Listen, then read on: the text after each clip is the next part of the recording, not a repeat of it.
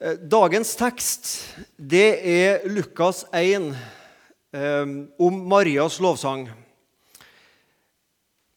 Og Da jeg så den teksten, så, så sukka jeg litt. Ikke over teksten, men det er også teksten på Marias budskapsdag.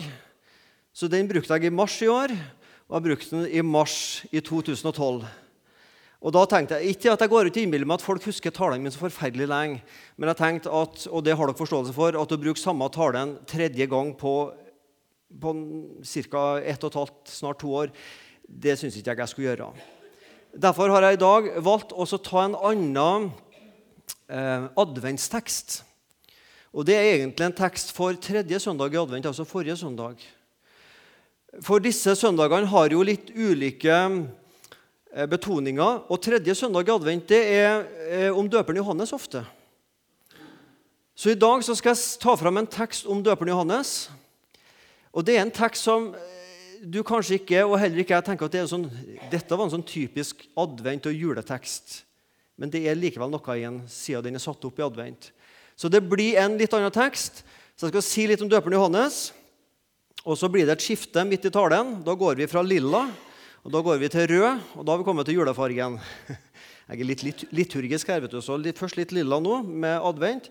Og når du ser rødfargen komme opp, da vet du, da begynner jeg å komme på oppløpssida på talen min. Men før vi starter med det, så ber vi sammen. Herre Jesus Kristus, takk for ditt ord, og takk for uh, jula. Tenk Jesus det at denne fortellinga om deg, lille barnet i ei krybbe i en stall, den står til og med om den i Koranen også. Det er den, kanskje den mest fortalte enkeltfortellinga i hele verden. Takk, Jesus, for du kom som Gud, som et lite barn. Takk for du ble ikke i krybba, men du ble en mann, og du gikk fra krybben til korset for oss. Takk for det, Jesus. Amen. Jesus døperen Johannes og jul. Ja, Nå går vi 30 år fram i tid, og da ser døperen Johannes ut sånn som dere der. Jeg tenkte med meg sjøl når jeg så det bildet der. Tenk hvis jeg hadde kommet inn sånn i misjonssalen og stått og preika sånn. Da tror jeg jeg vet hva som har blitt dagens snakkis rundt middagsbordet. Dere har ikke huska et ord av det jeg sa! Dere har bare tenkt på hvordan gikk er kledd. Men sånn gikk han kledd. I hvert fall et eller annet i den stilen der. Men én ting er hvordan de er kledd, men en annen ting er hvordan forkynt. Og det, ja, nå skal vi lese noen saftige ord sammen. altså. Mye folk dro ut for å bli døpt av Johannes. Det er altså Lukas 3, 7-18.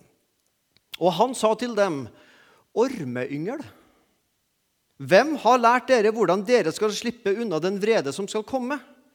Så bær da frukt som svarer til omvendelsen. Og begynn ikke å si til dere selv, 'Vi har jo Abraham til far'. For jeg sier dere, Gud kan reise opp Abraham, barn for Abraham av disse steinene. Øksen ligger allerede ved, fot, ved, roten av trærne. Hvert tre som ikke bærer god frukt, blir hugget ned og kastet på ilden. Hva skal vi da gjøre? spurte folket. Han svarte, den som har to kjortler, skal dele dem med den som ikke har noen, og den som har mat, skal gjøre det samme. Det kom også noen tollere for å bli døpt, og de sa til ham, 'Mester, hva skal vi gjøre?' 'Krev ikke inn mer enn det som er fastsatt', svarte han. Også noen soldater spurte ham, 'Hva skal vi så gjøre?' Og til dem sa han, 'Press ikke penger av noen ved vold eller falske anklager, men nøy dere med lønnen deres.' For folket gikk nå med forventning, og alle tenkte i sitt stille sinn at Johannes kanskje var Messias. Da tok Johannes til orde og sa til dem alle.: Jeg døper dere med vann, men det kommer en som er sterkere enn jeg. Jeg er ikke engang verdig til å løse sandalremmen hans. Han skal døpe dere med Den hellige ånd og ild. Han har kasteskovlen i hånden for å rense kornet på treskeplassen. Hveten skal han samle i låven sin, men agnene skal han brenne opp med ild som aldri slukner. Dette og mye annet la han folket på sinne når han forkynte budskapet for dem. Men da han refset landsfyrsten Herodes fordi han levde med sin brors kone Herodias og gjorde mye annet ondt, føyde Herodes en ny misgjerning til alle de andre. Han kastet Johannes i fengsel, og så vet vi at han ble ikke lenger i fengselet, så ble han et hode kortere der. Ja, Det var litt av en type, denne døperen Johannes. En ting var som sagt hvordan han gikk kledd, men du verden for en forkynnelse han hadde. Her kommer det mange mennesker til Johannes for å bli døpt. Altså, de kommer for å søke Gud. Og det er menighetsvekst. Og Johannes, som kanskje førte statistikk, han så liksom at kurven gikk oppover. Her ble det flere folk. Her var det menighetsvekst, flere medlemmer i forsamlinga. Og Man skulle gjerne tenkt at han sa jippi, hurra, eller kanskje halleluja, for alt jeg vet. Eller sa kjære menighet, venner, troende søsken. Og så er han altså så lite strategisk at han sier ormeyngel. Ja, ormeyngel. Altså, hvis du har spurt folk som arbeider med PR og strategi, var det lurt Johannes, å bruke ordet ormeyngel, så ville de fleste sagt nei. Alle ville sagt nei, det var ikke lurt. Og Prøv nå å tenke det tankeeksperimentet at jeg har stått og forkynt sånn som dette her hver eneste søndag i misjonssalen. Ormeyngel og, og det ene med det andre. Da skulle det ikke gått mange måneder før jeg har sagt så ønsker jeg velkommen til møte med meg i dag. Og Jeg skal spille piano, jeg skal styre teknikk, jeg skal ønske velkommen i døra. Eller jeg skal ønske kun meg sjøl velkommen i døra. Det har fort blitt kirketomt her. Det kan godt hende at jeg sjøl har blitt lei meg sjøl også. Og så har det blitt ingen her. Jeg tenker i utgangspunktet så lite strategisk lurt av Johannes å si sånn. Men han traff noe. Ormeyngel. Jeg syns det ordet der det, det, høres jo voldsomt ut. For når du hører ordet orm, så er det jo mange av oss som tenker på ormen, slangen, i Bibelen, som er et bilde på djevelen. Så, så når han sier ormyngel, så er det nesten som jeg hører at han sier djevelens barn.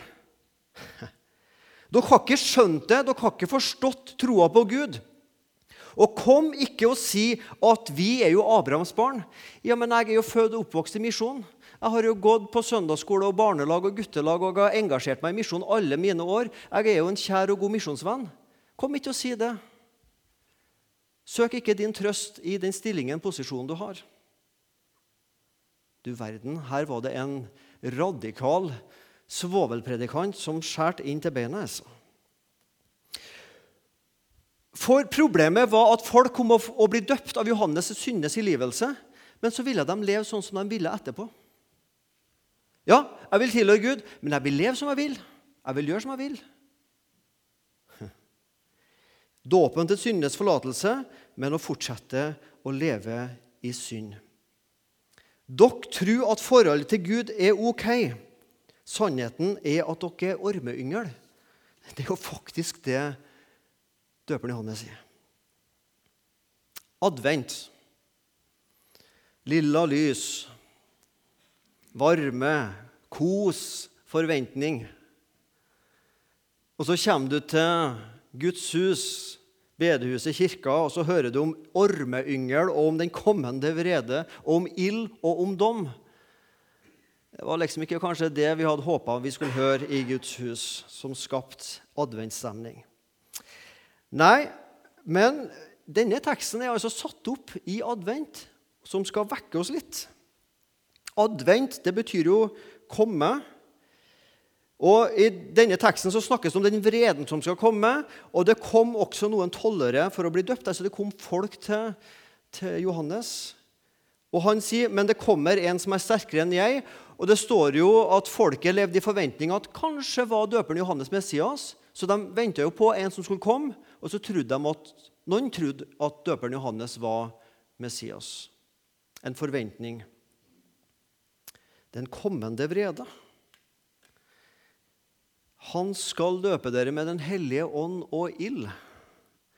Og som det står i den andre trosartikkel, han skal komme igjen fra himmelen for å dømme levende og døde. Disse søndagene i advent er gjerne innretta sånn. Han som kom, han kommer hver dag, og han skal komme igjen til dom. Og så feirer vi da barnet som kommer på jul. Ulike fasetter av forventning av komme. Jesus kom en gang. Han kommer hver dag når vi hører Guds ord og leser i Bibelen og ber til Han. Han skal komme igjen en dag for å dømme og så kommer han som barnet i krybben. Øksen ligger ved treet, eller Hvis Bibelen skulle vært oversett litt mer moderne. Motorsaga er klar.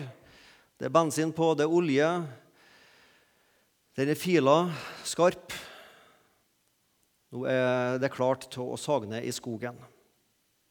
Kasteskovlen, rensemaskina, er klar til å rense agnene fra hvetekornet, sånn at du får et hvetekorn du kan spise, og agnene som ikke er til bruk til noe, som blir kasta. Et skille. Jesus kommer for å sette et skille. Og Da er jeg tilbake på mitt barndoms bedehus, der det var et sånn maleri på veggen.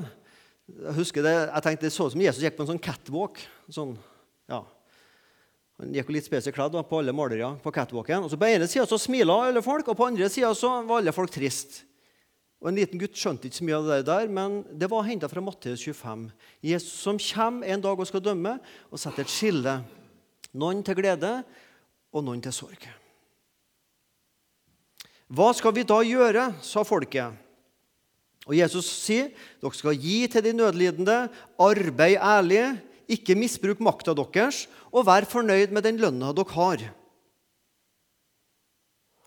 Spørsmålet var fra mennesker som ikke de ønska jo ikke å være noe ormyngel, men leve livet sitt som sanne Guds etterfølgere, for de ønska jo å følge Gud. Og så kommer altså Johannes og tar bort den gode stemninga med sine uttrykk. Ja, dette ordet ormyngel det, det, har en sånn evne til å sette seg som en sånn fiskekrok. Altså, du blir liksom ikke kvitt det. Det er et sånn kraftig ord som han har. Orm. Nå er vi ca. 2000 år tilbake i tid. Nå skal vi gå enda 1000 år tilbake i tid. Nå skal vi gå til kong David. Han er også innom ormen, eller ja, hva er han innom? Han er i Salme 22. Min Gud, min Gud, hvorfor har du forlatt meg? Det har vi hørt før. Jesus på korset. David skriver denne salmen. Og så skriver han da i vers 7.: Men jeg er en mark og ikke en mann, spottet av mennesker, foraktet av folk. Det var sikkert sånn David følte seg, men det var også sånn Jesus opplevde det på korset. Akkurat sånn hadde Jesus det på korset. Han opplevde seg å være som en mark og ikke en mann spotta av mennesker, forakta av folk. Så er det altså Jesus som opplever seg sjøl å være som en orm, som en mark, og ikke et menneske, ikke en mann. Dagen etter ser døperen Johannes Jesus komme gående mot seg, og så sier han, 'Se der Guds lam, som bærer verdens synd.' Hm. En mark, en orm, et lam. Hva ser du i Jesus? Hva ser folk i Jesus? Hva ser vi når vi ser Jesus på korset? Noen så en mislykka galileisk profet. En som ønska å være noe, som fikk noen etterfølgere, men som da ble tatt av dage av romerne. En mislykka galileisk profet. Eller et godt moralsk menneske misforstått i sin samtid. Han ville det beste, men, men folk misforsto han. Eller en politisk opprører som romerne syntes det var greit å kvitte seg med. Noen ser Jesus som det. Eller man tenker at Jesus var en religiøs konkurrent til noen sjalu fariseere og skriftlærde som fikk Jesus korsfesta. Og så er Jesus på korset, så tar Jesus orda fra Salme 22 i sin munn. Jeg er en mark og ikke en mann. Jeg er spotta, jeg er forakta av folk. Det var sånn det så ut for menneskene de så Jesus på korset. Men så er han der som Guds lam. Guds sonofferlam. Jeg er en mark og ikke en mann. Ormeyngel. Og så var det akkurat sånn folk så på Jesus, så er det også sånn folk ser på Jesus i dag. Det fins mennesker i dag også som tenker det er så dumt, det er så teit, det der med kristendom og med Jesus. Ja, Noe sånn teit og dumt det vil ikke jeg ha noe med. Og så kaster man det fra seg. Hva ser vi i et lite barn i ei krybbe?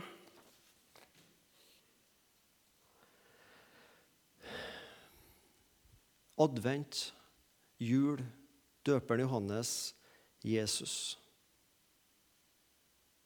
Konge er du visst, Herre Jesus Krist, om du bærer tornekronen eller lyser høyt fra tronen, Herre Jesus Krist, konge er du visst. forakta. Les Jesaja 52, Jesaja 53. Han var som et menneske vi ikke kjente igjen.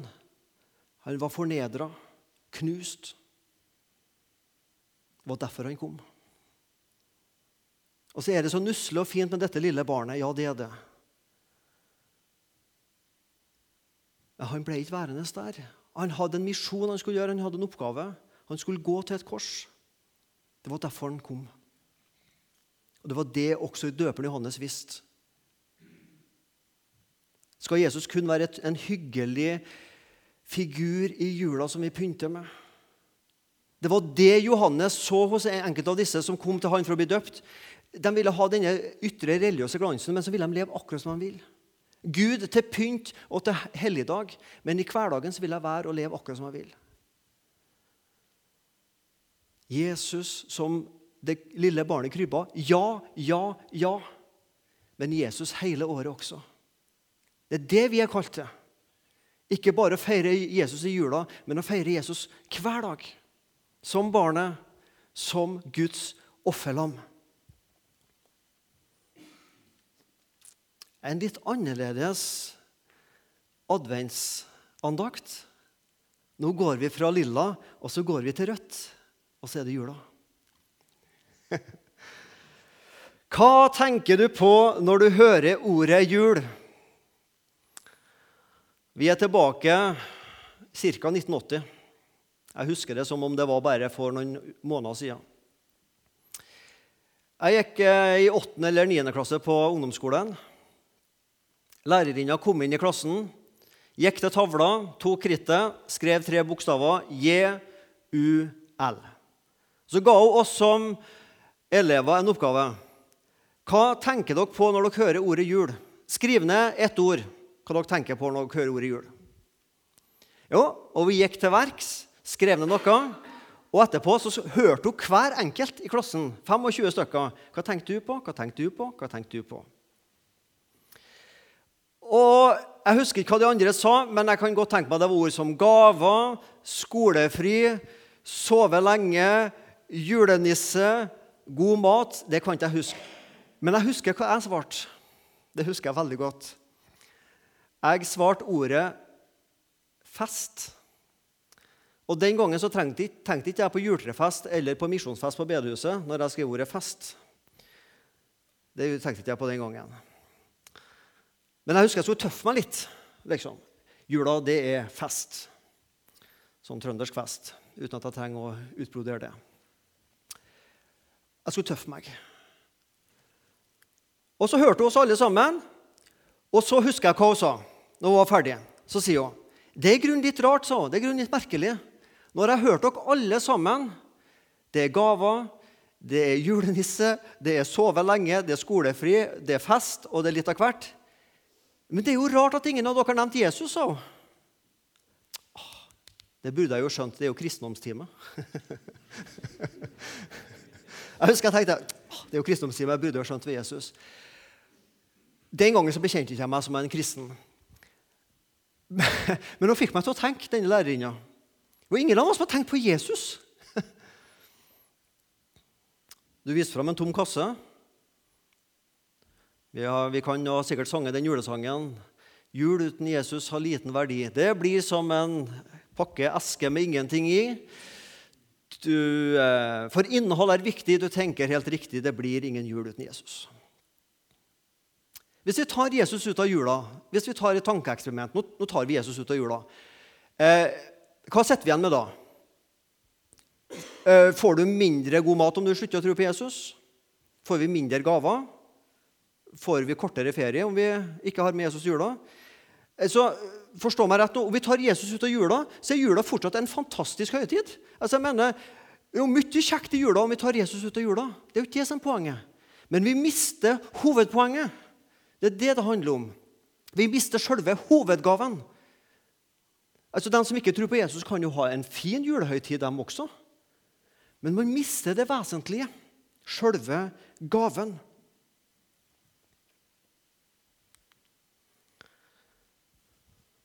Josef, Davids sønn, vær ikke redd for å ta Maria hjem til deg som din kone, For barnet som er unnfanget i henne, er av Den hellige ånd. Hun skal føde en sønn, og du skal gi ham navnet Jesus, for han skal frelse sitt folk fra deres synder. Her er julegaven. Josef, som skjønte at nå er det problem her. altså. Kjæresten min er gravid, og det er ikke jeg som har gjort det. Dette blir et forklaringsproblem. Jeg må skille meg fra henne i stillhet. Og Så møter en engler flere ganger Josef. Og så sier engelen, 'Ikke vær redd å ta Marie hjem til deg.' Og du, Josef, skal gi Jesus du skal gi dette barnet navnet Jeshua, Jesus, for han skal frelse sitt folk fra deres synder. Vi som sitter her, har ulike navn. Er det noen som heter Bjørn her? Nei. Men om du møter på arbeidsplassen din en som heter Bjørn, så går ikke du og tenker at 'Å, Bamse Brakar kommer snart og spiser meg'. Ingen av oss som tenker det, men alle navn har en betydning. Jeg, mitt navn har også betydning uten at jeg vet hva det er for noe. Svein kanskje har det med læresvenn å gjøre, for alt jeg vet. Men iallfall på denne tida med Jesus så hadde navnet veldig betydning. Og Jesus er ikke et tilfeldig navn. liksom, Josef, tenk nå hva bestefaren het, og hva liksom arverekkefølge navn og sånn. Nei, du skal gi navnet Jesus for han skal frelse sitt folk fra deres synder. For han kommer med en julegave. Gud kommer med en gave, et barn. Og med det barnet så kommer Gud med et, et innhold i dette barnet som er frelse. Det som du og jeg trenger, og som vi i større eller mindre grad søker, men ikke får til sjøl. Det kommer Jesus med. Det kommer Gud med i dette barnet, Jesus, for han skal frelse sitt folk fra deres synder. Har du tenkt over om Gud er glad for at vi gir hverandre julegaver? Jeg er helt sikker på at Gud er veldig glad på julaften for at vi gir hverandre julegaver. Om han er like glad for at vi bruker 50 milliarder i Norge i julegaver, det er ikke jeg så sikker på. Men Gud elsker at vi gir. Hvorfor da? Fordi Gud sjøl er en giver. Har du tenkt på det at det mest kjente bibelverset er egentlig et julebibelvers? For så høyt har Gud elsket verden at han han, skal vi si det sammen? For så høyt har Gud elsket verden at han ga sin sønn den enbårne. Han ga. I julaften. Det mest kjente bibelverset som alle ungdommer som er til konfirmasjon, pugger utenat. er et julebibelvers. Jul er at Gud gir. Og Derfor syns Gud det er flott at vi også gir gaver.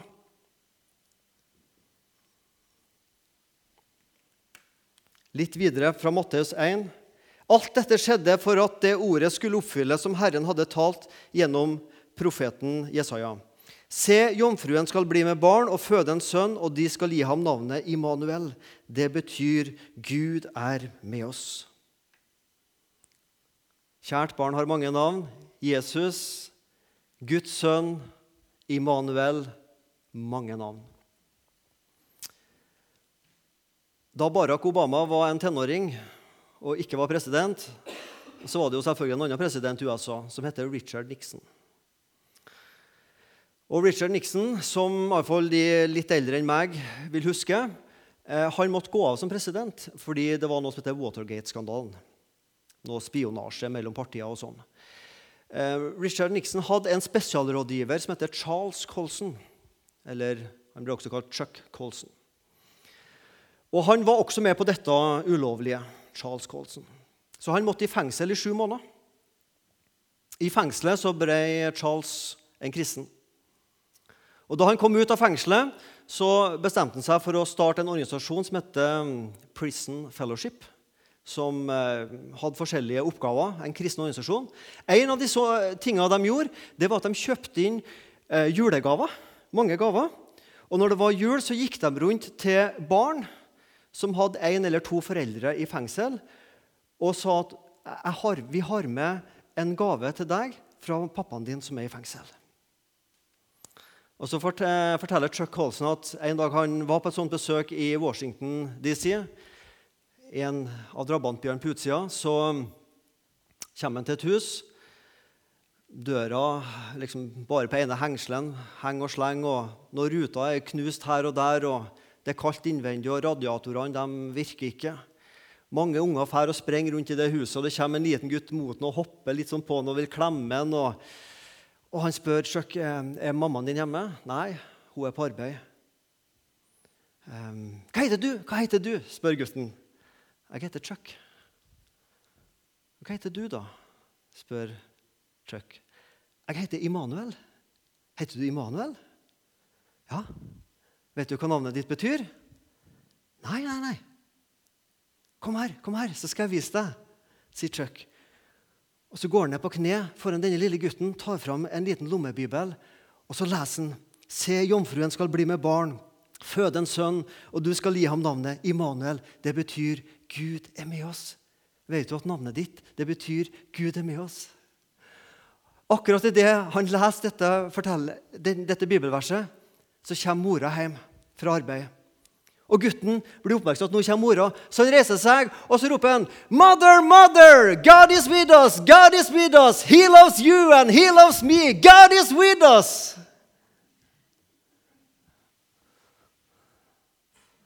Og Så sier Chuck at uh, da han gikk fra denne leiligheten etter å ha levert ut disse gavene, så kunne han ennå høre dette klinge i hans hode som en julemelodi. God is with us, God is with us. Gud er med oss, Gud er med oss. Det er det som er jul, folkens. Gud er med oss, Gud er ikke mot oss. For så høyt har Gud elsket verden at han ga sin sønn den enbårne, for at hver den som tror på ham, ikke skal gå fortapt med ormen i fortapelsen, men ha evig liv. Og så står det et vers etterpå vers 17. Gud sendte ikke sin sønn til verden for å dømme verden, men for at verden skulle bli frelst ved ham. Gud er for oss. Det er det jula handler om. Gud ønsker egentlig ikke å dømme oss til fortapelse. Han kommer til å gjøre det med noen mennesker en dag. Men det er jo ikke det som er hans vilje. Han vil frelse oss til sitt rike. Gud er ikke imot oss, han er med oss. Han er ikke kommet for å ta fra oss, han er kommet for å gi til oss. Han er ikke kommet for å være slem og lage forferdelige regler å leve etter. Han er kommet for å gi oss et godt liv, et liv som han ønsker at vi skal leve i. Også når vi snubler og feiler med våre synder. Det er det som er håpet som jula vil formidle oss. Gud er med oss. Hva tenker du på når du hører ordet jul? Jeg skulle være tøff, så jeg sa fest. Jeg skulle liksom imponere noen i klassen. Sikkert noen tøffere gutter enn meg. I dag er det jula. Det er mye kjekt for meg som er jula. Jeg gleder meg til barna kommer hjem, og mange ting. Men jul, det er Jesus. Det er Gud det er med oss. Det er Han som kom for å frelse sitt folk. Det er jul for oss, folkens. Det er verdens håp. Du, for en pakke vi har, med for et innhold vi har, å dele med hverandre. Et siste bilde fra tidligere forsamlingsleder Odd Dubland her i Misjonssalen. Jeg syns det er et fantastisk bilde. Jeg vet ikke hva Odd Dubland satt som tekst på det bildet der, men vil, det vil ikke undre meg om han satt nettopp denne teksten fra denne julesangen. Fra krybben til korset gikk veien for deg. Og så er krybba tom. Og så har gutten begynt å gå den veien opp mot et kors. Jula henger ikke i løse lufta. Jul og påske, krybbe og kors, det er vårt håp, folkens. Herre Jesus, vi ber om at vi skal få ei julehøytid som er god, som er varm, med våre og vi ber for dem som er ensomme og sliter på andre måter eller gruer seg til jula, at du skal være dem spesielt nær. Dem som syns at jula kan bli tung. Og så ber vi Jesus at vi alle må få se deg som barn i krybba og som mann på korset som sto opp igjen. Amen.